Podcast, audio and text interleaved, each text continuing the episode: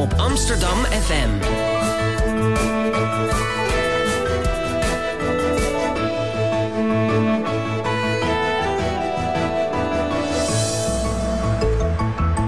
Radio Swammerdam.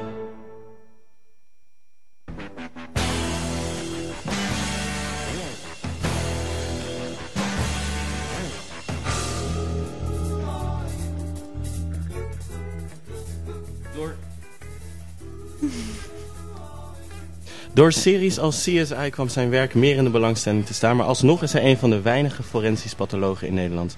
Hij verrichtte meer dan 3500 secties en luidde onlangs in RTL Late Night de noodklok, nadat hij na onderzoek constateerde dat artsen in ons land in 50% van de sterfgevallen ernaast zitten bij het vaststellen van de doodsoorzaak. Vorige maand promoveerde hij aan het VU Medisch Centrum met een onderzoek naar letseldatering en verbeterde hij daarbij meteen de technieken om dat letsel te kunnen dateren. In Radio Zwammerdam, het wekelijkse wetenschapsprogramma op Amsterdam FM, praat ik met medepresentator Sterre ten Houten de Lange vandaag een uur lang met forensisch patholoog Frank van der Goot. Ja, en op deze moederdag praten we over wat er in de wereld gebeurt van de... Ik hoor mezelf niet meer, maar goed. We gaan het hebben over het leven na de na het leven. Het leven van het lichaam na het leven. De dood. De dood. en hoe het lichaam daar, uh, daarop reageert, wat voor dingen je ziet. En we hebben vandaag uh, één wetenschapper aan tafel, zoals Tim al zei. Dus we hebben verschillende delen van het gesprek. Um, we gaan het hebben over het werk van een forensisch patholoog, over promotieonderzoek van Frank de Groot en over de staat van de forensische pathologie in Nederland. Welkom Frank. Goedemorgen. Hoe, uh, hoe lang geleden heb je voor het eerst uh, uh, je eigen lijk onder handen gehad? Ja, het woord, het woord lijk vermijden we liever een beetje. Het gaat gewoon over een overledene. dat was denk ik toen ik een jaar of, of 18 was misschien. En hoe, hoe was dat? Um, nou, de collega's, het was in het ziekenhuis Bethesda waar ik als assistent van het laboratorium werkte. Dat was de eerste sectie. En de collega's die hielden, hielden er al rekening mee dat ik eventueel uh, horizontaal eruit zou komen. Maar ik vond het, excuus voor taalgebruik, ik vond het fascinerend. Want je bent forensisch patholoog. Wat doet een forensisch patholoog? Uh, ja, ik ben natuurlijk primair patholoog. Ja. Uh, de klinische pathologie houdt zich voor het overgrote deel bezig met het stellen van, van diagnoses. Dus de, de klinische pathologie, dat zijn de naamgevers van de geneeskunde. Die zeggen wat voor type kanker het is, wat voor ontsteking het is, et cetera. De forensische pathologie houdt zich bezig met het beantwoorden van allerlei vragen die reizen in het kader van strafrechtpleging, zoals men dat zo mooi weet te zeggen. En, en wanneer komt een, een overledene bij jou? Uh, vanuit de klinische pathologie is er een breed scala. Of vanuit het, uh, het ziekenhuis als mensen komen te overlijden met toestemming van nabestaanden. Via huisartsen als mensen graag willen weten van waarom is iemand komen te overlijden. Vanuit de forensische geneeskunde. Als een lichaam is vrijgegeven, er is geen aanwijzing voor een strafrechtelijk vervolgbaar feit. Maar toch willen mensen graag weten wat er dan wel aan de hand is. En vanuit het Openbaar Ministerie als er gewoon een gerechtelijke sectie is. Maar forensisch betekent dus niet altijd dat het te maken moet hebben met uh, een strafzaak? Nou ja, natuurlijk het woord forensisch komt van Forum, de plaats waar recht gesproken werd. Uh, als je het forensisch benadert, dan ga je ervan uit dat er een strafrechtelijk vervolgbaar feit gepleegd is. Hoeveel van de overledenen die jij nu onderzoekt uh, zijn denk jou via, zijn via het OM, dus hebben met een zaak te maken? Zeg maar zaakgerelateerd werk, uh, dat is zo'n beetje de, ik denk de helft van mijn werk. Uh, de echte gerechtelijke sectie met alles erop en eraan, die worden vrijwel uitsluitend gedaan door het Nederlands Forensisch Instituut. Dat wordt allemaal doorverwezen. Want jij werkt niet bij het Nederlands Forensisch Instituut? Nee, ik heb daar een jaar of zeven gewerkt en ik ben nu sinds vijf jaar ben ik elders. Elders? Ja. Wat is elders? Ik zit nu bij, uh, bij Symbiant, dat is een pathologiemaatschap in het noorden van Nederland. En daar heb ik de obductiepathologie, de forensische pathologie, de neuro-oncologie en nog wat ditjes en datjes onder moede. Want als ik het goed begrijp is uh, forensische pathologie is een inwendige schouw. Obductie. Ja, het, het, of het, obductie, dat ja, is inwendig. Zeg maar, het, ja, een inwendige obductie, het is een pleonasme. Een ja. obductie is per definitie natuurlijk inwendig. Ja, dat is een beetje het gemene van Nederland. Um, we maken onderscheid tussen twee typen onderzoeken. De ene is dan klinisch en de andere is forensisch. Maar aan de buitenkant kun je niet zien. Dus iedere klinische zaak die zou forensisch kunnen worden... en iedere forensische zaak die zou klinisch kunnen worden. Maar wat betekent klinisch dan? Dus forensisch is dat er vermoed wordt dat er straf, strafrechtelijke... Dat er een strafrechtelijk vervolgbaar feit aanwezig is. Ja. Dus iemand is uh, laakbaar schuldig aan het overlijden. Uh, iedereen begint dan meteen te piepen over moord. Ik vind moord een heel saai woord. Moord leidt namelijk echt af van waar het wel om gaat. Het gaat namelijk ook, als je het forensisch bekijkt... om de dood door schuld, dood door nalatigheid, verwaarlozing. Als je die categorie erbij pakt, iedereen zit meteen gegild, oh jee, moord. Ja. Eh, maar komen die ook bij jou? die, die missen we. Omdat Ja. we juist zo focussen op moord. Eh, alleen de. Kijk, we hebben in Nederland komen er op jaarbasis. Ik, ik kan er een paar naast zitten, maar zeg maar een goede 140, 150.000 mensen komen per jaar te overlijden. Daarvan worden er 10.000 bekeken door een forensisch geneeskundige. Iemand met ervaring in lijkschouw die op zijn hoede is voor strafrechtelijk vervolgbare feiten. Nog, en nog even heel kort dan. Het verschil tussen een forensisch geneeskundige en een forensisch patholoog. Forensisch geneeskundige is eerste lijn. Dat is een soort huisarts die eh, voor justi- justitie werkt. Raakt hij het lichaam aan? Of kijkt hij Absoluut. alleen die kijkt aan de Die buitenkant? kijkt naar de buitenkant. Ja. Die zal de eerste letselbeschrijving geven. Die zal het eerste onderscheid maken of er meer nodig is of niet. Hm. Eh, het is voor het Openbaar Ministerie on- oninteressant om een zelfdoding te onderzoeken. Omdat eh het OM doet onderzoek naar strafrechtelijk vervolgbare feiten. Niet naar doodsoorzaken. En als er niks te vervolgen valt, dan verslapt de interesse van het OM. En een forensisch patholoog? Eh, zal als het Openbaar Ministerie dan denkt van dit is niet in de haak, de opdracht krijgen van kijk wat er niet in de haak is, documenteer dat en geef dat aan de politie, schijnenstreep aan de officier van justitie, geef het aan de advocaat, dat het wordt voorgelegd aan een rechter om te kijken of ze er iets mee kunnen. Die is dan zogenaamd tweede Ja, lijns. een forensische, forensische pathologie is tweede lijn. Dus, dus a- als we dan de levensloop van een overledene beschrijven eigenlijk. Iemand gaat dood, die rijdt met zijn auto het water in. Die wordt geborgen. Dan komt hij bij een forensisch geneeskundige in eerste instantie. Ja, ehm, de, een normale arts is, als die overtuigd is van het intreden van de dood op natuurlijke gronden, mag die zonder meer de verklaring van overlijden afgeven. Dat is de aanverklaring. Ehm, dat houdt op een gegeven moment in, hij is ervan overtuigd dat iemand is komen te overlijden uitsluitend op grond van een spontaan opgetreden ziekte. Als iemand komt te overlijden ten gevolge van, nou ja, noem maar moord en doodslag, er zit een bijl in. eh, ongevallen. Het maakt niet uit of er een schuldig is. Als iemand gewoon met een slok op van de trap afvalt, is dat ook een niet-natuurlijke dood. Zelfdoding, hulp bij zelfdoding, euthanasie. En natuurlijk het apert onjuist medisch paramedisch verpleegkundig handelen. Hm. Als men zoiets overweegt, streep, als men het niet durft uit te sluiten, is iemand al verplicht om er een forensisch geneeskundige bij te halen. Dat gebeurt ongeveer 10.000 keer per jaar. Van die 10.000 komen er ongeveer 5.000 in aanmerking voor die lijst die, die ik net gegeven heb. Ongevallen, zelfdoding, et cetera. Van die 5000 komen er een goede 300, 350 in aanmerking voor een echt forensisch pathologisch onderzoek. Een deel daarvan blijkt nog steeds puur natuur. Maar een beetje merkwaardige omstandigheden. Dus dan hou je er een goede 2, 2,500 over. Ja, dan moet er toch ergens wel een lampje gaan branden. Dat, ik ben nooit een groot rekenmeester geweest, maar dat, dat verschil tussen 140.000 overlijdens aan de ene kant en dan die 300, 350 aan de andere kant, dat dat, dat verschil wat groot is. Wij gaan allemaal heel natuurlijk dood. Eh, ik denk dat Nederland op grond van deze cijfers een van de beste landen ter wereld is. ik ben ook blij om te horen dat vorig jaar het aantal moorden, daar heb je ze weer, is afgenomen. Ik, ik hoor enig sarcasme in je stem. Dat klopt, ja. Ja, en ik denk dat het goed is dat we daar zo verder over gaan praten. Maar laten we eerst even ehm, luisteren naar een klein orkest met Het Lijk. Er drijft een lijk door de grachten van Venetië. Er drijft een lijk en het ziet er niet best uit. Het water kabbelt en de bruggen staan te dromen. Er drijft een lijk, het maakt nauwelijks geluid. Er drijft een lijk door de grachten van Venetië. Langs de ramen van de kraamkliniek. Of een jongen, of een meisje, of een miskraam. Drie kolommen voor de geboortestatistiek. De gondelieren wendt het roer en de duiven krijgen voer. Er drijft een lijk, een lijk op zijn retour. Er drijft een lijk door de grachten van Venetië. Langs de school in een stilte van vernis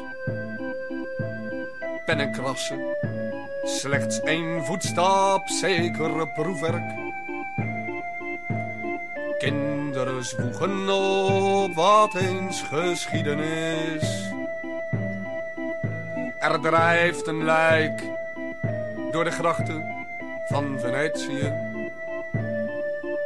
De deur zwaait open, de kerk die gaat net uit. Mensen lachen in het knoopsgat een corsage. De fotograaf maakt een kiekje van de bruid.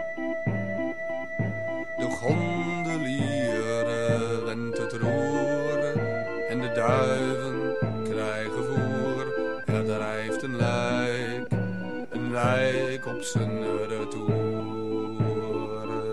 Er drijft een lijk door de grachten van Venetië. Krijgt iets meer vaart bij het riool van een fabriek. Een cirkelzaag maakt planken van een boomstam.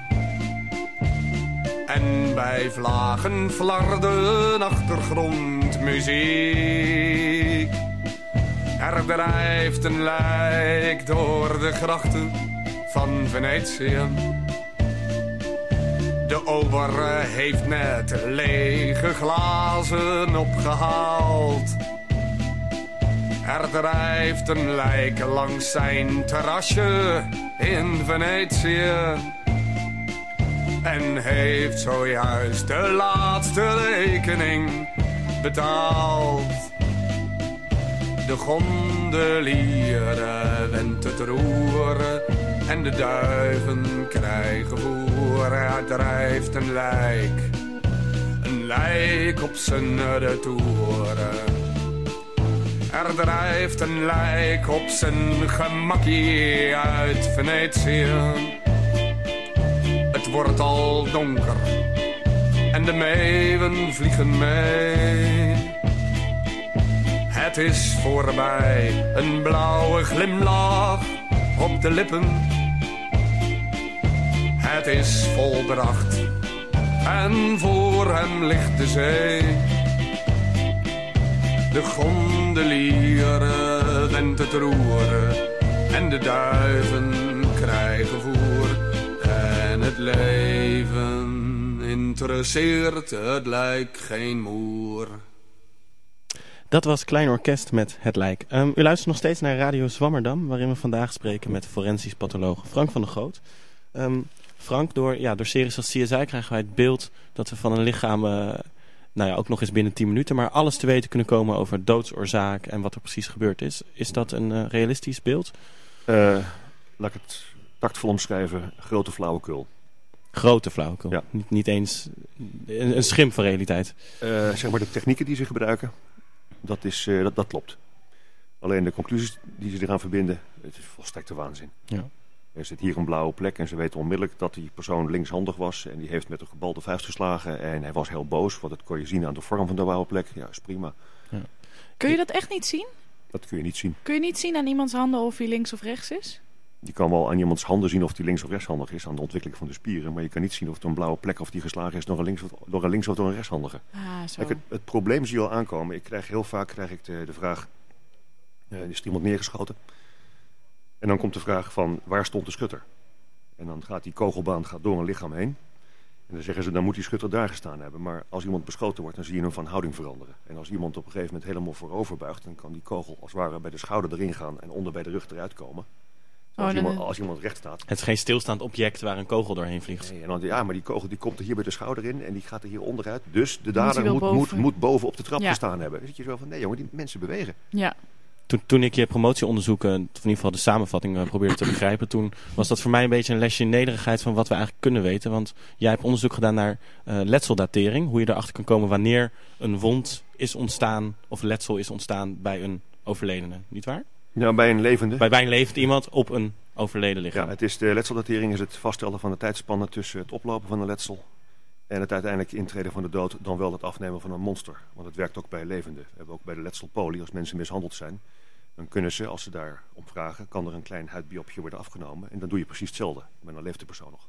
Maar is het dan alleen letsel uh, waar iemand aan is overleden of is het ook letsel wat gewoon zomaar... Uh... Nou, dat is juist waar het letseldatering om gaat. Want wat je heel vaak ziet, dan wordt er iemand gevonden en er zitten er 10, 15 blauwe plekken op. En dan komt de opmerking, dus hij is 10, 15 keer geslagen. Hm. Maar ik heb geen idee hoe het bij jou eruit ziet, maar iedereen heeft blauwe plekken.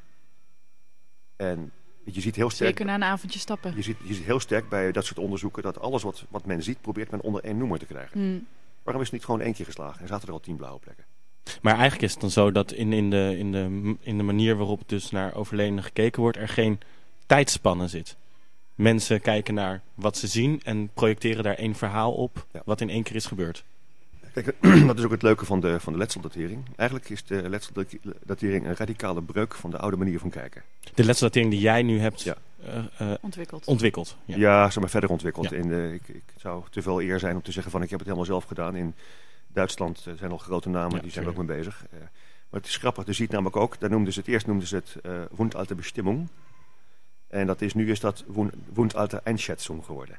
Ja, want je, want, want, want je was aan het vertellen hoe dat veranderd is ten opzichte van... Ja, wat, wat is namelijk het, wat is het punt? Um, je hebt heel vaak in de forensische manier van denken, de forensische wereld... dat men zo min mogelijk informatie wil geven... om te voorkomen dat de onderzoeker vooroordelen krijgt, gebiased is. Maar de letseldatering wil juist zoveel mogelijk informatie hebben. Om de simpele reden, um, je kan anders het werk gewoon simpelweg niet doen. Hoe, hoe, zal ik het zeggen? Ik heb onlangs in de rechtbank heb ik dat verhaal ook verteld. Iemand die voor uh, stel je voor, ik krijg een, ik krijg een schotletsel binnen. En niemand heeft Sorry, een, een schotletsel, schotletsel. En niemand heeft iets verteld. En dan vragen ze zo van, hoe oud is dit? En dan kijk je erdoor en denk je mezelf, nou, ik zie hier prachtige ontstekingsreacties. En het is al bezig met, met, met dit, nou weet ik wel allemaal, dit is tenminste een dag oud. Grote paniek in de tent, want die man die is voor een bewakingscamera door zijn hoofd geschoten. Was meteen dood, kan niet. Nee, maar als niemand mij vertelt dat er al een blauwe plek zat waar dwars doorheen geschoten is, dan krijg je hele rare uitslagen mensen zeggen van ja, maar dat kan niet. Omdat want we een blauwe plek zou dan ervoor zorgen dat het sneller ontsteekt? Of dat het al ontstoken is? Een blauwe plek is, is al een letsel. Ja, precies. Dan heb je een letsel in een letsel. Ja. En als niemand je vertelt dat er al een letsel zat, dan kom je zwaar in de moeilijkheden. Ja, Met andere woorden, letseldatering werkt alleen maar met maximale informatie. En nou komt ook het grote punt. Um, ik ga met letseldatering niet zeggen, dit letsel is een uur oud. Dat kan namelijk niet. Ik wil van iemand weten, wat denk je? En dan zegt iemand, nou, ik heb één verhaal dat het een uur oud is. En ik heb een tweede verhaal van een getuige die zegt dat hij gisteren geslagen is. Hmm. Dan kijk je ernaar. En het beeld wat je dat ziet, kun je zeggen van... Als je die eerste, als die gelijk heeft, verwacht ik dit om aan te treffen. Als die tweede gelijk heeft, verwacht ik dit om aan te treffen. Ja, het is gewoon meerdere scenario's naast elkaar het houden. Is, het, is, het, is, is, het, is het, het vergelijken van scenario's. Maar, maar dat is andersom van wat je normaal doet. Ja. En, en conflicteert dat niet? Als je het er maar goed bij zegt. Het is, het is, het is en blijft een, een drama. Ik, ik word regelmatig opgeroepen. Dan is een letseldatering op een gegeven moment. Het is het beeld van een uur. Er zijn meer mensen die, die dit proberen. Dus het is een uur. Nee, het is een beeld van een uur. En kijk nou maar met wat voor verhaal erbij komt. Zou je niet graag uh, in de rechtszaal er af en toe bij willen zitten... om tegen zo'n advocaat of uh, eh, OM te zeggen... nou, sorry, zo heb ik het niet uh, opgeschreven. Ik zit er regelmatig bij. En dat doe je dan ook? Absoluut. dan kun je het gewoon proberen uit te leggen. En dan, en dan, proberen uit te leggen. Ja, maar het is, het is, het, het is, ik, ik, ik, begrijp het ook wel. Um, je, je kan niet op een gegeven moment continu verwachten dat, dat iedereen onmiddellijk begrijpt wat je bedoelt. Uh, en, en het enige wat ik, wat ik op een gegeven moment zeg, van zorg ervoor dat die communicatie tussen de onderzoeksteams en de uiteindelijke wetenschappers, dat die heel dicht bij elkaar zit. Hou ze niet gescheiden. Maar ik snap nog steeds niet helemaal goed wat dan uh, in je onderzoek naar letseldatering het nieuwe doorontwikkelen is, behalve dat je zegt, geef mij alle informatie. Oké, okay, het uh, nieuwe ervan is, is, een, is een zogenaamd een, een, een, een vijfstapsmodel. Nog eerder beginnen. We zijn eerst begonnen met het uittesten van hele series wondeiwitten. Een aantal was er al bekend. We hebben die dingen verder, verder, verder gevalideerd. En met name in de vroege fase hebben we een soort lijst opgesteld. Dat je onderscheid kan maken op basis van eigenlijk drie grote eiwitten. CD62P, fibronectine, factor 8. En er zijn er nog een stuk of wat, maar dat zijn de drie hoofdeiwitten. Als je die kan aantonen in het wondbed in een bepaalde gekwantificeerde mate... dan kun je op een gegeven moment met enige zekerheid zeggen dat iemand in leven was ten tijde van het oplopen van letsel. Ja, dat komt omdat je iets ziet wat er levend in is gekomen, die eiwitten. Dus ja. kan je dat zeggen. Met andere woorden, als je iemand hebt die uh, onder een trein gekomen is, dan kun je inderdaad kijken, als die eiwitten er zijn, heel vroeg, of iemand in leven was ten tijde van het overlijden. En niet, of iemand in leven was? Ja, nee, dat klopt. Ja. en niet dat iemand zeg maar, op de rails neergelegd is. Ja. Oh, zo. Je kan op een gegeven moment met die hele vroege, dit zijn hele vroege wond, eh, wondfase, kun je op een gegeven moment onder- onderscheid maken. We hebben ook nu een eh, methode erbij gehaald waarbij je dus die letsels een beetje uit elkaar kan trekken. Je kan onderscheid maken tussen 0 minuten, een kwartiertje, 30 minuten, ongeveer een uur, ongeveer 2 uur, ongeveer 4 uur, ongeveer 8 uur, 8 tot 12. Daar kun je onderscheid tussen maken. Dus die dingen kunnen we in kaart brengen, maar dan komt het vijfstapsmodel. Dan heb ik namelijk een anamnese nodig. Ik heb een verhaal nodig. Een anamnese. Anamnese. Ja. Ik heb een verhaal nodig. Men moet mij vertellen wat men denkt. Ja, oké. Ja. Het is heel simpel. Als ze mij meteen hadden verteld, ter plekke door zijn hoofd geschoten. Ja, prima. Als je dat voor je kamer hebt, dan hoef je dat hele onderzoek niet te doen. En als je dan iets krijgt wat opeens een dag oud is, dan kun je al zeggen van dit klopt niet. Ja. Dan krijg ik de macroscopie. Hoe ziet het eruit? Dat is stap 2. Dat is stap 2. Als ik op een gegeven moment iets heb wat al, aan- wat al een kortstandvorm is... en iemand zegt, ja, maar hij is door een trein overreden. Dat, dat, dat klopt niet. Dan, dan zit je daar al mis in je verhaal. Dan krijgen we de microscopie. Dat is gewoon puur het, het wondbeeld. Die drie moeten met elkaar overeenkomen. Ja. Dat moet al kloppen met het verhaal. Dat is continu terugkoppelen, continu heen en weer. Dan pas komt de immunohistogramie, dus de laatste kleurfase. Wat is dat? Dat is, een, dat is zeg maar een bepaalde kleurmethode waar je dus de wondeiwitten in, in kaart kan brengen. Dat moet overeenkomen met de voorgaande stappen. En als je die allemaal op rij hebt, dan moeten ze komen met de werkhypothese. Dan komt de implementatie. En dan wordt het letsel wordt ge- ge- geplaatst in de context. En die context is elementair. Want als ik een letsel heb waarvan men zegt van... Is dit, eh, hoe, oud is dit? Dus een on- gewoon een idiote vraag. Hoe oud is dit? En je kijkt ernaar en je denkt bij jezelf... Nou, dat is ongeveer eh, 10 minuten oud. Nou, is prima 10 minuten oud. Maar als iemand met een slok op... Dat hebben we helaas regelmatig buiten komt te liggen. En die man of vrouw die valt. En buiten vriest het. Dan zie je het hele wondbeeld heel enorm beginnen te vertragen. Maar, maar die context, die bepaal jij niet, toch? Daar, daar gaat iemand anders mee aan de... Ja, Aan maar de- en dat is wat, waar, ik, waar ik mee breek. Met letseldatering wil ik die context weten. Ja. ja, dan ben ik bevooroordeeld. Ja, dan ben ik gebiased. Maar dan, Als het de vijfde stap is, dan heb je hem pas op het eind. Ja. prima. Maar hij moet er wel bij. Ja, precies. En het is niet dat je een blind rapport inlevert en dan later wordt opgeroepen, maar jij hebt gezegd dat het een uur is. Maar is Ja. dat dan nog wetenschap? Het is een klinische benadering van een forensisch probleem. Want in de normale Dat is klinische een, wereld... eh, een, een, een antwoord dat ik niet helemaal snap eigenlijk. Dat is heel simpel. Als jij naar een huisarts gaat. En dan zegt die huisarts... Ja, wat, wat, wat, wat kom je doen? Dan zeg jij niet... Ja, dat ga ik je niet vertellen. Want dat, eh, dat ben je niet objectief. Dan vertel je je hele hebben en houden. En dan vertel je wat je klachten zijn. En dan in samenwerking maak je er wat moois van. Dat is de klinische benadering. In de Ja. forensische benadering wil niemand meer, meer wat zeggen. En ik wil die twee, met name bij dit soort onderzoeken... Zet ze bij elkaar. Laat het niet als losse informatieblokken een beetje zweven. Want als het in handen van de juristen valt... Iets net, netter zeggen. Zeg maar, met name op een gegeven moment juristen... die hebben daar nog wel, nog wel eens wat moeite mee. Maar bij zaakgerelateerde... eh, nou ja, als iets zaakgerelateerd is... Hoe, hoe, hoe, hoe, hoeveel procent of, of hoe groot is dan de mate waarin dat letseldatering aan de orde is? Wat jij nu hebt bedacht, voor hoeveel zaken zou dit gelden? Ik denk dat in feite zou ik het graag zien bij iedere zaak... waar een geweldfactor bij komt. Kijk, als er iemand komt te overlijden eh, aan, een, aan een hartinfarct... Ja, dan hoef je niet zoveel letseldatering te doen. Daarentegen, het kan voorkomen, iemand wordt gevonden... hij heeft een hele grote wond op zijn hoofd. Je weet nog niet dat er een hartinfarct is. Dan kun je op een gegeven moment kijken, letseldatering. Dan zie je dat die plek op het hoofd bijna de tijd niet meer gehad heeft om iets te gaan doen.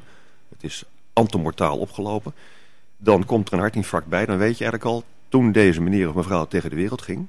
had hij al een hartstilstand. En is de letselschade alleen aan de buitenkant? Helaas niet. Helaas niet. Je hebt ook uitgebreide letsels die je aan de buitenkant niet zien. Met name als geweld in werking over een groot oppervlak wordt toegediend. Dan hoef je aan de buitenkant helemaal niks te zien. Is een bloeduitstorting... Dat is per definitie iets wat, wat natuurlijk niet hoort. Zit altijd onder de huid. Dat is, Of- dat is inwendig letsel. Dat is, eh, zeg maar, de zichtbare bloed, bloeduitstortingen zitten net onder de huid. Ja. Maar ja, je kan je ook voorstellen, als iemand een enorme klap in zijn buik gehad heeft... dat hij dus nog dieper een bloeding begint te krijgen. Die zie je niet. Nou, En ik heb nog één, mag Ja? ik nog één vraag stellen, Tim? Ehm, eh, het is nu zo als, of het klinkt zo alsof als iemand overlijdt, alle lichamelijke processen gelijk stoppen. Tenzij het dus vriest. Nee, dat is niet waar. Ehm, de mens komt te overlijden. Ja, Het lichaam is een levend organisme. Bestaande uit onnoemelijk veel cellen die allemaal een eigen wens en een eigen wil hebben. Een deel daarvan gaat heel snel dood. Zenuwcellen trekken het niet lang. spiercellen trekken het niet, het niet lang. Daarentegen kraakbeencellen, die kun je nog een week later levend kweken. Dus als iemand bij wijze van spreken uh, uh, te overlijden komt en zijn been breekt... en je krijgt, je krijgt het, het lichaam pas een week later... Dan, dan kan het zijn dat die breuk alweer ja, verder is gevorderd? Nee, of, uh... zo, dat, dat, is, dat, is, dat, zou, dat zou helemaal vreselijk zijn als dat zou gebeuren. Dat die breuk ook nog een keer genezen. Laten we wel de spelregels een beetje... Nou, dan, laten we gewoon in ieder geval... Uh, breng, breng moeder natuurlijk niet, niet, niet op idee alsjeblieft. nee, um, Nee, maar als je de, zegt, deze de wond is nee, zo oud... Kijk, de aller, aller, aller vroegste processen... Die echte letselverteringsprocessen van die 62P... En die, die gaan ongeveer na de dood nog een minuut of vijf door. Hmm. Daarna stoppen ze. Ja, dat, is ook, dat, is ook, de reden waarom je bij benadering die, die, die, die treinongevallen kan zien. Want als het namelijk helemaal niks doet, dan was die al enige tijd dood voordat het oh, gebeurde. Ja, op als die, die, manier, als die ja. iets doet, is het een goed, is, dan is, is het verhaal mogelijk. We hebben je net horen spreken over hoe uh, het klinische en het forensische... en hoe je eigenlijk de forensisch patholoog wat meer richting ook... Uh, nou ja, de, de, de maatschappij wil brengen met het verhaal ook erbij. Um, daar, daar, gaan we zo over doorpraten. Maar het is ook moederdag. En om even het uh, macabere van de dood te doorbreken... hebben wij een hele mooie column van onze vaste columnist Magiel Keestra... waarin hij over het verschil tussen mannelijke en vrouwelijke filosofen spreekt. En ook eigenlijk ja, onze eindigheid daarbij meepakt. Um, dat allemaal rondom het thema moederdag. Um, dat eerst en dan na de muziek praten we verder met forensisch patholoog Frank van der Groot... over de staat van de pathologie in Nederland. Een filosofie van de zwangerschap. Filosofen zijn altijd meer gefascineerd geweest met de dood dan met het leven. Filosofie werd door Socrates bijvoorbeeld omschreven als een omgang met het einde van het leven. En de 20e eeuw Martin Heidegger analyseerde de menselijke existentie en liet daarbij zien hoezeer het zijn zum tode, de houding ten aanzien van de dood, een voorwaarde is voor een authentiek leven. Ik heb me echter altijd afgevraagd of er verschillen zouden zijn tussen een filosofie die meer geënt is op het mannelijke bestaan en een filosofie waarbij het vrouwelijke bestaan meer richtinggevend is geweest. Lezing van vrouwelijke filosofen als Simone de Beauvoir, Hannah Arendt, Lucie Garay, Judith Butler en Julia Kristeva maken duidelijk hoezeer zij andere thema's, maar ook andere visies ontlenen aan het vrouwelijk bestaan. Omdat het vandaag moederdag is, wil ik een korte exercitie doen en stilstaan bij juist het begin van het einde, of van de aanloop naar de dood, namelijk de zwangerschap. Aan zo'n concreet voorbeeld kun je soms zien hoe dat tot andere analyses leidt. Een ongewoon onderwerp bovendien, zoals mijn zoekpoging naar Philosophy of Pregnancy op internet al snel uitwees, met nauwelijks resultaten. Want wat is zwangerschap eigenlijk? Het is een nogal uitzonderlijke staat van zijn als je er goed bij stilstaat. Als we vanuit een metafysische of ontologische blik hiernaar kijken, valt het al snel op. Al vanaf de oudheid delen filosofen de wereld in in verschillende soorten dingen en hun eigenschappen en structuren. Je hebt levende dingen, zoals dieren of planten, dode objecten, zoals stenen of water, door mensen handgemaakte objecten, zoals deze microfoon of een kunstwerk, en met de abstracte objecten zoals schoonheid en het getal pi heb je dan de belangrijkste soorten objecten wel gehad. Moderne denkers vonden het nog belangrijk om het subject te onderscheiden. Meestal wordt daarmee op de mens gedoeld. Een levend object dat zelf over andere dingen kan denken, ze waarnemen enzovoort.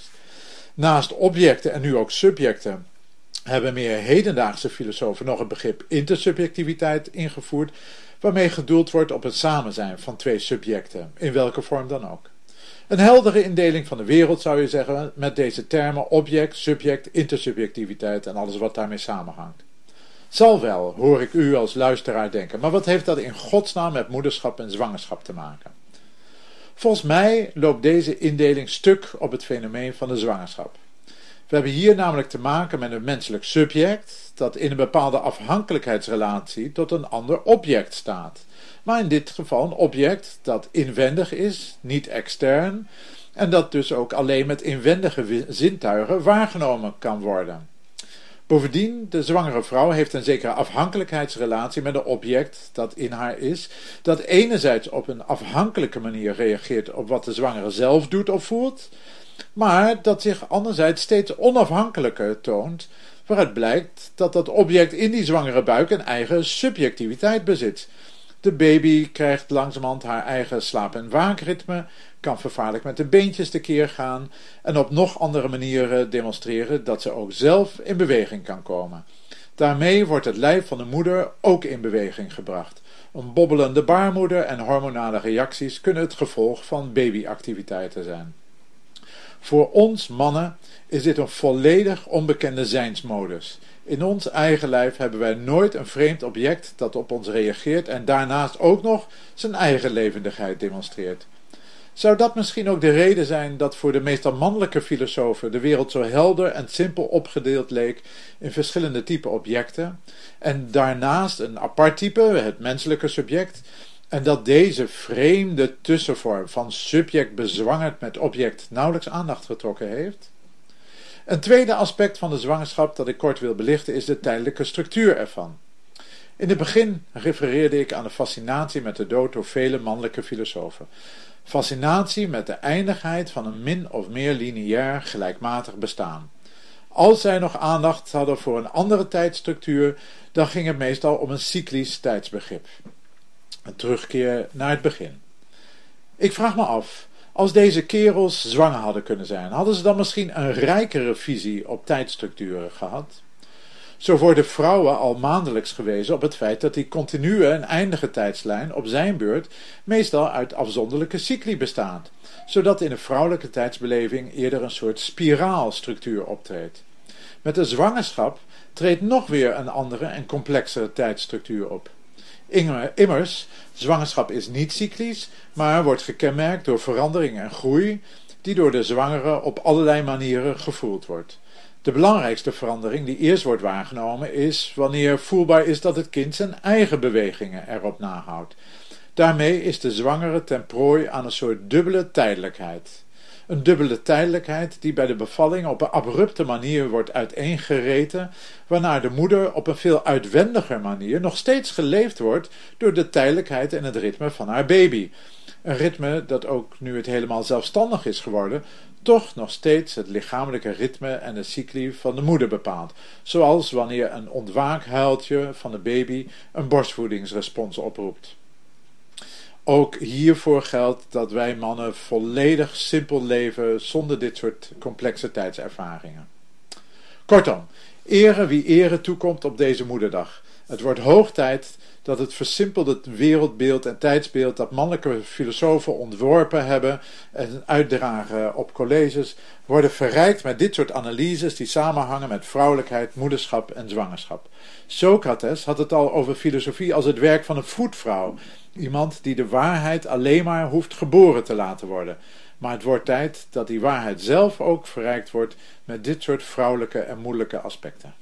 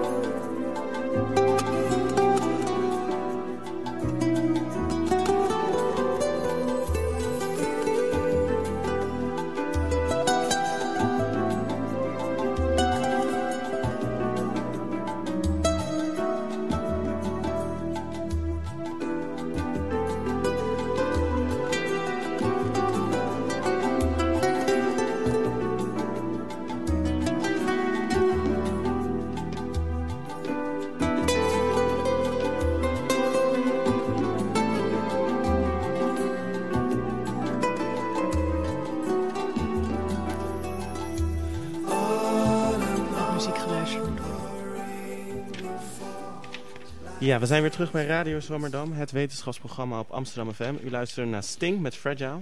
Ehm, voor de muziek en de column spraken we met Frank van der Groot over het werk van de forensisch patholoog en over zijn promotieonderzoek. Uh, we hadden het er onder meer over dat de forensische pathologie nog wel eens kan helpen bij de klinische pathologie, of in ieder geval artsen zou kunnen helpen. En nou stelde jij laatst, en daar schrok ik nogal van, dat artsen in heel veel gevallen de doodsoorzaak van, van patiënten verkeerd inschatten. In 50% van de gevallen zelfs. Ja, en het is nog erger. Je zegt het heel rustig, maar kun je er iets meer over vertellen? Want ik schrok daar een beetje van. Ja, kijk, het is op zich... We hebben inderdaad we hebben nu drie, uh, drie stukken gepubliceerd. Eén stuk over uh, ziekenhuizen. Daar hebben we gekeken naar de in de ziekenhuizen vastgestelde doodsoorzaak. Dus let wel, het gaat niet over de diagnoses. Het gaat niet of hij wel of geen kanker heeft. Het gaat niet of hij wel of geen longontsteking heeft. Het gaat over de uiteindelijke doodsoorzaak. Ja. Uh, bij mensen die we weliswaar helemaal in kaart hebben gebracht. Daaruit blijkt... Een Oneerbiedig gezegd, wat heeft het laatste zetje gegeven? Uh, ja, precies. Dat is zeg maar de doodsoorzaak. Uh, daarvan blijkt een goede 20, 25 procent gewoon valikant fout.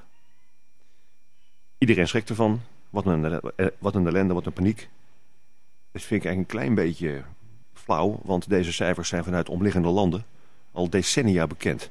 Geldt dat voor omliggende landen net zo? Die hebben ook de doodsoorzaken in ziekenhuizen. Uh, daar zit een goede 20% foutmarge in. Ja, maar dat is de helft van wat er in Nederland is. Uh, nou, die groep waar jij bedoelt, dat zijn de mensen die worden bekeken door huisartsen. Daar heb je dus niet al die aanvullende techniek. Je weet niet wat hij onder de leden heeft. Je en we hebben gemonitord al die tijd. Ja, en we hebben de mensen die zijn geschaald door een forensisch geneeskundige. Die kijkt in feite alleen maar of er een strafrechtelijk vervolgbaar feit is. En daarna moet hij een doodsoorzaak opschrijven. In die groep is 50, 60, 70 procent is gewoon iets anders. De enige reden waarom die cijfers nog zo goed zijn... is omdat het hartinfarct vaak voorkomt. Maar hoe, hoe, hoe kan dat dan? Nou, om de simpele reden dat je de doodsoorzaak aan de buitenkant niet kan zien. En het ook niet relevant geacht wordt om daar beter onderzoek naar te doen? Uh, klaarblijkelijk niet. Is het erg? Nou ja... Ik bedoel, stel iemand die ik ken, die, uh, die is ongeneeslijk ziek. En die ligt in het ziekenhuisbed. En uiteindelijk overlijdt hij aan een hartinfarct. Ja. Maar zij schrijven op uh, kanker. Ja, nou kijk, die categorie mensen... Uh, dat is uit medisch-wetenschappelijk oogpunt niet zo vreselijk interessant. Waar het niet dat zelfs in die groep... Als je dan naar de andere aspecten kijkt... die bijvoorbeeld bij een obductie eruit komen... Net, net vorige week was een man... Die heeft een uitgezaaide vorm van longkanker. En die man is komen te overlijden. Alleen het vervelende is dat de helft van zijn tumorlood is geen longkanker, maar dat is prostaatkanker. Er komt een tweede tumor bij, die is tot dan toe onbekend gebleven. En daar overlijdt hij aan? Uiteindelijk gaat hij dood aan zijn prostaatkanker, want daar begint hij uit te bloeden. Kun je zeggen van ja, tumor 1, tumor 2. Nee, maar er is dus wel een complete tumorsoort over het hoofd gezien.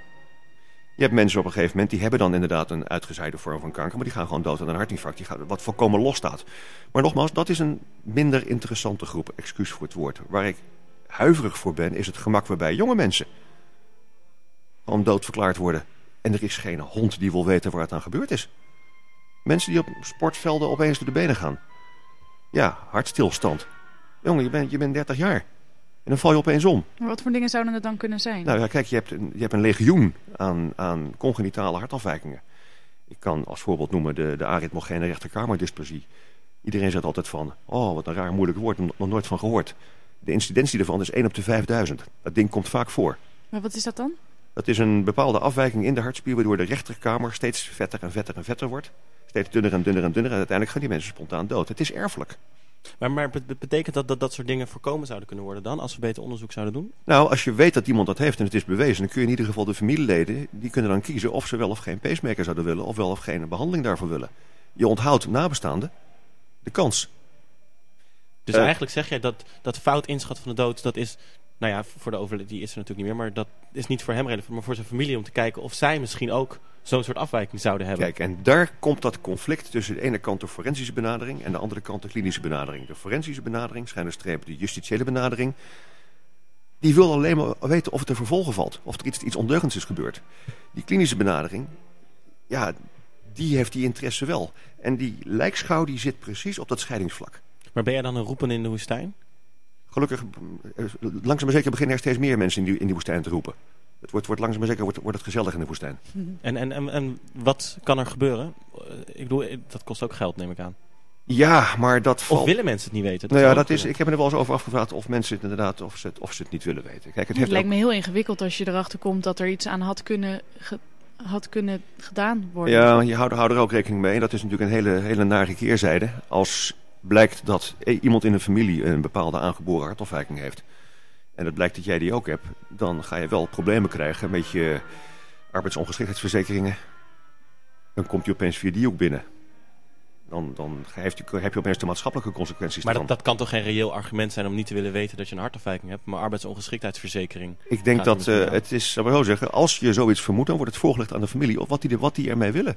Als jij een eigen bedrijf wil beginnen en er is een kans van 1 op 5 dat jij zoiets hebt en je hebt zelf nergens last van. Ja, als je dan zegt van ja, hou op, ik, ik wil het niet weten. Ik, ik, ik, ik, las ook dat eh, bijvoorbeeld verkeersongelukken een eh, vaak foute inschatting heeft. Nou, kijk, verkeersongeluk, het, je ziet het heel veel. We hebben een, eh, een, geloof ik een 600, 700 verkeers, verkeersgerelateerde overlijdens per jaar in, in Nederland. Ehm, maar als, als, als met name jonge mensen opeens pompstations binnenrijden zonder te remmen. Ja, hij zal wel onwel geworden zijn. Ja, waaraan? Ik ben 30 jaar en ik word spontaan onwel. Iemand die gewoon in een bocht recht doorgaat, er, zit, er is geen alcohol in het spel. Dat, dat zijn de categorieën waar mensen dus spontaan onwel worden. Want jij hebt onderzoek gedaan eh, in, in, in een groep, bij, bij een groep overledenen. Waar de doodsoorzaak van was vastgesteld. Om te kijken of dat klopte of niet. Ja, dat waren die, die groep van die, eh, vanuit de forensische geneeskunde. Al die vrijgegeven lichamen. Er was één man die werd met zijn auto al uit het water gehaald. En daar heeft justitie heeft daar een zelfdoding van gemaakt. Omdat hij geen enkel teken had van, eh, van, eh, van remmen. En hij had zijn gordel niet om. Aan de buitenkant. Aan de, bui- ja, gewoon, hij Aan de heeft- buitenkant was er niks eh, aan te nee, zien. De, de, de, de auto had, had geen enkele rembeweging gemaakt. Hij is Hmm. gewoon op het erin gereden. En hij had zijn gordel niet om. Nou, gordel niet om, dat zie je wel eens vaker bij zelfdoding met behulp van tegen bomen aanrijden. Er is een zelfdoding van gemaakt. Dan ga je een beetje doorbabbelen. En dan praat je met de nabestaanden. Die man die is sinds 14 dagen bekend bij een cardioloog wegens wegrakingen. Heb je een klassieke. Die man, is- in feite is, is, de- is het een, een natuurlijke dood. De consequentie van zoiets een zelfdoding noemen... is dat als die man een levensverzekering heeft... de familie met lege handen staat. Ah. Hebben jonge mensen nog een levensverzekering? Nee, maar, zeg maar de ongevallenverzekering. Ja, Dat, dat, dat soort dingen komen er ook bij. ja. En het is, justitie kijkt van, is het vervolgbaar ja of nee? En het gaat verder. Dus ik, ik wil heel graag dat justitie dichter naar geneeskunde komt en andersom. Dat, dat ze elkaar niet meer bijten. Geloof jij dan eh, dat de misdaadcijfers enorm gedaald zijn in Nederland? Oh, de cijfers zijn enorm gedaald. Daar ben ik van overtuigd. Ja, maar opnieuw, ik proef weer een beetje sarcasme daarin. Ja, nee, dat is... Dat is eh, Er is in feite niks veranderd. we weten het Dat gewoon niet. ja. We weten het gewoon niet. Hm. We hebben geen idee wat er gebeurt in Nederland. We hebben een, nu een 300, 350 gerechtelijke secties. En we hebben 3000 klinische secties. 3000, 3500. Er gaan 140.000 man in Nederland dood. Dat houdt in dat bij 97% van de bevolking... weten we eigenlijk niet waar ze aan zijn, zijn komen te overlijden. En naast de forensische pathologie is er geen andere manier om daarachter te komen. Als de klinische pathologie niet zo huiverig zou zijn voor de niet-natuurlijke dood... dus als er forensische ervaring bij de klinische pathologie zou zitten... dat je meteen in de tweede lijn in een opleidingscentrum... mensen kan bekijken vanuit een klinische invalshoek... maar met forensische kennis... dan kun je mijns inziens een enorme groep gaan bestrijken... voor een fractie van de prijs. Want uiteindelijk komt het op geld uit. Een beetje gerechtelijke sectie met altijd erop en eraan... die kost 15, 16, 17.000 euro... Een klinische sectie kost 500 euro. Hoeveel, hoeveel forensisch pathologen hebben we in Nederland? Eh, de NRGD heeft een man of acht momenteel in de, op, de op de registratielijst staan. Er zijn een aantal eh, buitenlandse collega's bij die, eh, die toetser zijn bij de NRGD. Bij elkaar we er een goede vijf. Is dat genoeg? Ja, je hoort het al, voor zeg maar, 300, 350 gerechtelijke, gerechtelijke secties is het ruimschoots genoeg. Maar als je de, onze obductiepercentage is idioot laag. Obductiepercentage, het percentage inwendige schouwingen dat je doet. Ja. En als je dat, kijk, als je dan de echte forensisch patholoog, als die dan bij een gecentraliseerd instituut werken en daar al die overtuigende misdrijven, prima, prima, helemaal goed. Maar ik ben juist op jacht naar die groep mensen die, waar aan de buitenkant niet zoveel te zien is. En als het dan niet forensisch is, prima, maar dan grijp je meteen die medische kant op om te kijken of er erfelijkheid is. Gewoon puur in kaart brengen wat er in Nederland überhaupt leeft. Want we hebben werkelijk niet eens bij benadering een, een idee. Komt er een nieuwe lichting forensisch pathologen aan? Of is... Ik, eh, Van ik- de vijf. Ja. Ik, eh, ik zou het fantastisch vinden als er uh, in samenwerking met justitie aan een academische instelling een soort opleidingscentrum komt. Waarbij je dus zowel pathologen kan, dus klinisch pathologen met forensische ervaring die het land instuurt. Die doen gewoon een klinisch pathologisch werk met alles erop en eraan. Maar als zich iets aanbiedt, dan kunnen die collega's het overpakken. En je hebt meteen een kweekvijver voor justitie. Dat als er iemand uitvalt, iemand ziek wordt, iemand op vakantie gaat, iemand zegt ik, ik ga iets anders doen, dat je niet met lege handen staat. Is dat realistisch? Ik denk, ik denk, het wel. Het is in alle, alle omliggende Europese landen is het zo. We zijn zo'n beetje de laatste die het niet hebben. Maar komen die mensen niet gewoon van daar hier naartoe, omdat hier gewoon werk is? Ja, dat, uh, dat zou je op een gegeven moment zeggen. Ik heb zelf ik, heb ik, uh, in Frankfurt gewerkt. Waar je dan wel tegenaan loopt, is dat in Europa zijn verschillende wetsystemen. En er is een verschil in documenteren tussen de verschillende wetsystemen. Maar wat je ook hebt, en dat is een hele venijnige... Um, met name de juristen die werken heel sterk met woorden. Een punt en een komma hier, een punt en een komma daar, de nadruk de nadruk daarop. Als je moet rapporteren in een taal die niet 100% je eigen taal is, kom je in de moeilijkheden. Dat merk je. Dat merk je heel sterk. Dan kun je zeggen, dan gaan we het allemaal in het Engels doen. Nee, we, hebben toch, we zijn een hoogontwikkeld land. We zijn gewoon Nederland. En je wel zeggen, we gaan allemaal mensen uit het buitenland halen. Maar wat is er mis met onze eigen mensen? Nou, we hebben geen eigen opleiding. Dus we zullen hoogste ze tijd. uit het buitenland moeten halen. Ja, ja. of we zouden dat wel zo zeggen.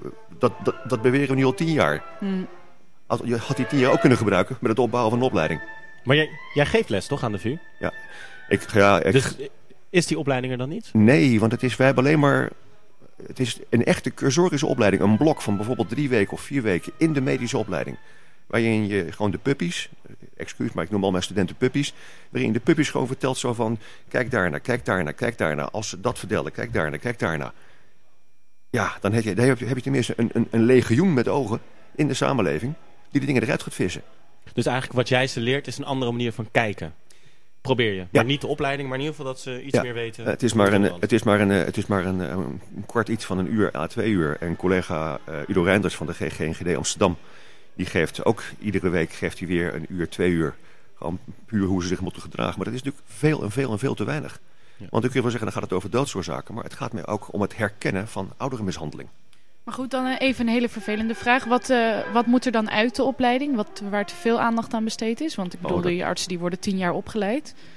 Ja, oh, dat zat, je zeggen. Ja, ja, ja, Oh, dat is een hele gemene. Want dan moet ik namelijk uh, zeg maar een kritische noot geven over andermans vakgebied. Um, wat ik heel sterk mis in de geneeskundeopleiding is de natuurwetenschappelijke benadering. En wat in mijn inziens een beetje de overhand aan het voeren is, is de omgangswijze met patiënten. En dan zal de sociologie en de psychologie zeggen van die patholoog die moet zijn mond houden. Je moet mensen behandelen als mensen en niet als ding. En ik zeg als patholoog, jij moet je mond houden. Een mens is een ding en die moet je ook eerst kijken wat hij heeft. En pas als je begrijpt wat zijn materie heeft, dan kun je op een gegeven moment de mens behandelen. Je moet mensen ook als andere... ding zien om ze te kunnen helpen. Juist, ja, maar aan de andere kant is juist, is juist uw, uw nieuwe letselbenadering eentje die veel meer in de context denkt. Veel meer met uh, ja, het lichaam zoveel mogelijk laat spreken uit zijn... Uh, uit, uit de mogelijke scenario's. Ja, maar er hoort bij de letseldatering ook al dat er een verhaal bij komt. Het is niet alleen maar, het is niet, niet alleen maar de materie. Dus ja, er, zit ergens een, een, waarheid of een wijsheid in het midden. Uh, ik, ik, zou heel graag zien, het is maar drie weken. In, in Utrecht hebben ze zelfs een, een, een, week hebben ze een vrijwillig een avondprogramma opgezet. In Rotterdam organiseren de studenten zelf uh, een soort, soort forensisch onderwijsmoment. Hier aan de VU heb ik net onderwijs gegeven. Er zit de VUSAP. Dat, zijn, dat is zo'n commissie die medische studenten extra anatomie geeft. Kijk, dan heb je ook meteen de, de groep van mensen die geïnteresseerd is. Hm. Die het ook leuk vindt. Nou ja, dat is, uh, dat is dat saai op, veel op, sneller op, waarschijnlijk. saai op vruchtbare akker is dat hoor. Ja, dat precies. Is, uh, Zie jij mensen als een ding in, in, in je werk? Uh, of naar buiten, als je naar buiten mag ook hoor. ding? Ja. nee, kijk, het is, het is natuurlijk vanuit de pathologie zit je echt in de materie. ze zeggen wel eens de pathologie is in feite het is de wetenschap achter de behandeling. Dat betreft, ja, wij zien, wij kijken naar tumoren. En niet zozeer naar mensen met tumoren. Maar je kan het nooit loszien van elkaar. Ook met mijn tak van sport. Ja, het is wat daar op tafel ligt, is een overledene. Punt. En je, moet er, je gaat er neutraal op af. En om heel eerlijk te zijn, het doet me ook werkelijk helemaal niks. Maar het is en blijft wel... Mens was het. En het is, het is ja, hoe moet je het zeggen, het is, het is enorm abstract. Blijft het een mens of verandert het in een object voor u? Het, op dat moment is het, is het een object. Als dat het niet zou worden, dan ben je er te emotioneel mee bezig en dan, moet je gewoon stoppen met je werk. Je bent, je bent bezig met een ding. Maar dat is het niet. Nou, dat lijkt me een ehm, mooie afsluiting van deze uitzending van Radio Zomerdam. Ehm, we zijn er weer aan het einde gekomen, helaas. Het, het ging eh, hard. Ik hoop dat u het einde nog een beetje hebt kunnen verstaan. Want ondertussen was hier beneden nog een grote voorbereiding voor een, ja, wat zal het zijn, een concert of zo? Ja, de, het conservatorium dat eh, naast deze openbare bibliotheek zit, eh, geeft zo nu en dan een concert. Dat is de reden waarom wij zo nu en dan verschillen qua uitzendtijd. Ja, volgende week zijn we er gewoon weer om 11 uur trouwens. En dan ehm, heeft Lieve Heremans een uitzending waarin we nieuwe vormen van de universiteit onderzoeken. In een ronde tafelgesprek met onder andere de nieuwe universiteit. Dus kom dan vooral ook eh, kijken of luisteren. Ehm, ik wil naast Frank van der Groot ook mede-presentator Sterre ten Houten bedanken. En natuurlijk eh, Lieve nogmaals die vandaag achter de knoppen zat. En jij hebt het ook lekker gedaan, Tim. Eh, nou, dankjewel. Volgende week ehm, eh, dus weer de uitzending. Bedankt voor het luisteren. En voor we afsluiten dan nog even... Ja, om, om, het, om het mooi te eindigen. Een van Maarten van Roosendaal's mooiste liedjes. Om de uitzending over de dood toch maar met een ode aan het leven te eindigen. En voor nu nog een hele fijne zondag.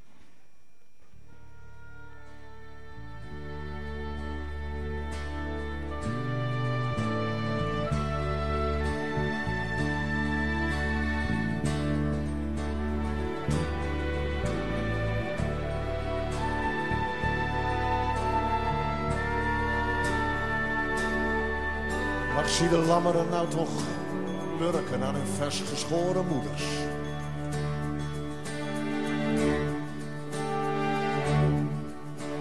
En hoe de jonge zwanen donzen in de zachte sloot. En hoe de zonnewind de wolken waait tot pas gewassen luchten.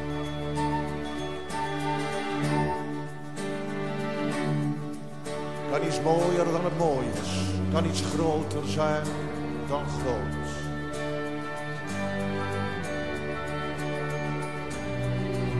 En voel de horst nou toch lonken, haar knoppen staan op barsten. Het nieuwe riet drinkt gulzig water uit de smalle vaart. Kan het frisser dan het fris is, wulpser dan het wulpste. Ach, ik ben goddank, dus nog een keer, jonge lente waard. Dit is zo mooi, het is om te janken zo mooi, mooi. Om te janken zo mooi.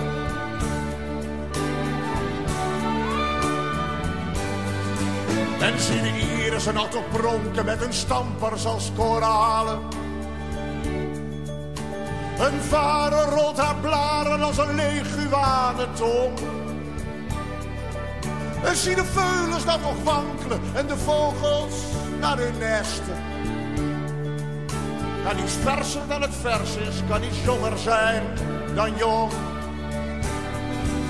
Zie hoe de zon een scherpe schaduw trekt onder de wijde wilgen. De puppies rennen rondjes bijtend naar hun eigen staart. Kan het leuker dan het leuk is, jeugdiger dan jeugdig.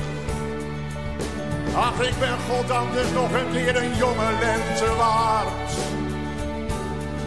Dit is zo mooi, het is om te janken zo mooi, mooi. Om te janken zo mooi.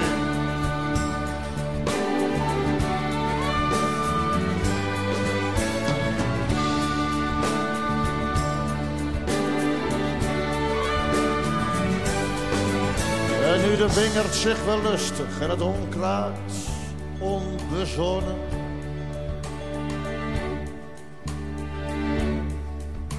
En ik mezelf optel van volwassen naar bejaard. Wordt het groener dan het groen was, nu ik grijzer dan ik grijs ben. Ach, ik ben goddank dus nog een keer een jonge lente waard. Mooi! Het is om te janken zo mooi, mooi. Om te janken zo mooi.